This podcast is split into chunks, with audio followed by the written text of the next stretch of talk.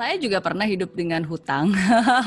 Dan hidup dengan hutang tuh nggak enak ya karena kesannya ada beban. Hmm. uh, dan ketika pertama kali saya memulai pekerjaan waktu itu di, di Singapura juga pekerjaannya serabutan gitu. Um, tapi di saat di saat keadaan seperti itu menurut saya ada dua hal yang harus dilakukan. Yang pertama itu adalah uh, cek reality. Jadi benar-benar buat perhitungan. Jangan hanya sekedar oh rasanya seperti ini. Jadi benar-benar sit down dihitung income-nya berapa uh, terus udah gitu utangnya berapa terus udah gitu kebutuhan dasarnya berapa gitu pengeluarannya berapa. Nah tujuannya adalah supaya kita benar-benar bisa mengkalkulasi secara rasional gitu. Ini bu bukan cuma kayak optimis aja ya, oh pasti bisa, pasti bisa, tapi harus ada hitungannya iya, juga yeah, yeah, yeah. gitu. Harus harus realistis gitu. Ini cukupnya sampai kapan gitu kan. Jadi harus dan harus ada yang di-cut, harus ada yang di-let go. Jadi di saat inilah maksudnya kalau kita memang udah benar-benar tahu oke okay, ini faktanya realitanya seperti ini dan we accept the reality, ya berarti kita yang langkah kedua, step yang kedua itu berarti kita harus benar-benar uh, uh, let go, let go our ego jadi pertama kita harus bisa melepaskan ego kita. Kalaupun kita harus mencari pekerjaan lain yang atau mencari pekerjaan yang mungkin eh, nggak uh, sesuai dengan passion atau mungkin nggak sesuai dengan yang kita mau, tapi it's okay in this kind of situations kan. Uh, cash flow is very important. Yang penting kita bisa makan dulu, keluarga kita bisa makan, kita bisa hidup dulu gitu. Nggak nggak nggak penting tentang apa yang kamu suka gitu. Yeah uh, walaupun itu harus pekerjaan-pekerjaan yang mungkin sekarang baru bisa kerja part time is fine gitu. Yeah. Walaupun sekarang cuma bisa kerja dapatnya uh, 70% di bawah gaji yang biasanya didapatkan is fine gitu. Menurut saya seperti itu sih. Dan uh, harus bisa mengganti substitusi ya. Jadi yang yang nggak penting nggak penting dihilangkan. Kayak makanan sebenarnya honestly speaking kita bisa kok makan cuma sama nasi sama kerupuk sama kecap yeah, sama iya. telur yeah. ceplok aja itu juga bisa sebenarnya ya kan sih jadi kalau saya dulu ya itu sih yang saya cut down jadi makanya um, makan roti di toilet lah zaman dulu ya kan bahkan ketika pertama kali saya lulus kuliah pun juga ya saya bahkan kalau misalnya makannya yang teman-teman yang lain udah kerja makannya di kafe ya nggak perlu. Kalau misalnya memang saya cuma bisa masak mie instan doang dan masih walaupun udah kerja ya masak mie instan doang it's fine gitu. Jadi nggak perlu gaya-gayaan sih apalagi di zaman zaman sekarang, sekarang tuh udah deh.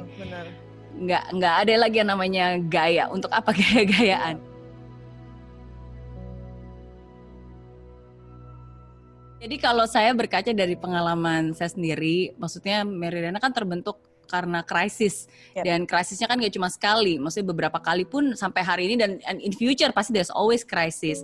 Jadi di saat saya ragu, di saat saya berada dalam keadaan terpuruk, I always remind myself bahwa uh, my future depends on my effort.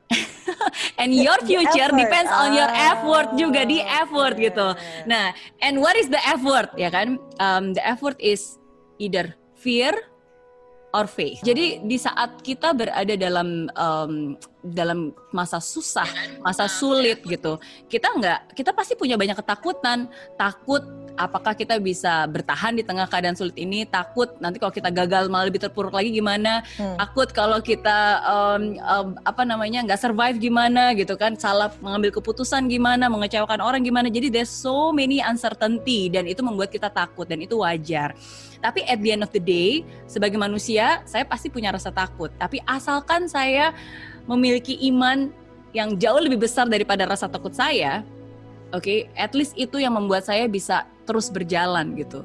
So, fear or faith, and always choose to have faith. Faith itu kan iman ya. Faith itu kan namanya juga iman berarti nggak semuanya kita harus mengerti baru kita melaksanakan. Iman itu kan juga nggak berarti semuanya harus lampu hijau dulu baru kita berjalan.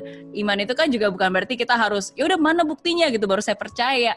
Enggak, tapi kan kita harus berjalan di tengah rasa takut itu, tapi kita yakin bahwa kita nggak sendiri, ada Tuhan yang akan menemani kita, akan mempertemukan kita dengan orang-orang yang nantinya juga akan membantu kita gitu. Jadi, um, and I think itu sih yang membuat saya bisa tetap uh, sampai saat ini because I always let my faith bigger than my fear. Maksudnya ketika kita bilang your effort gitu pasti kan di pikiran orang ada banyak hal, tapi again your perception, the way you see things uh, dari kacamata kamu memandang kan ya itu yang akan menjadi future kamu, yang akan menjadi masa depan kamu kan.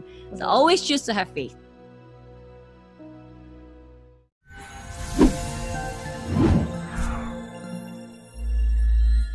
Aplikasi Mary Riana tersedia lengkap video-video YouTube terbaru saya, artikel yang up to date, post inspirasi, koleksi merchandise, workshop dan seminar yang bisa kamu dapatkan free dan download sekarang juga gratis.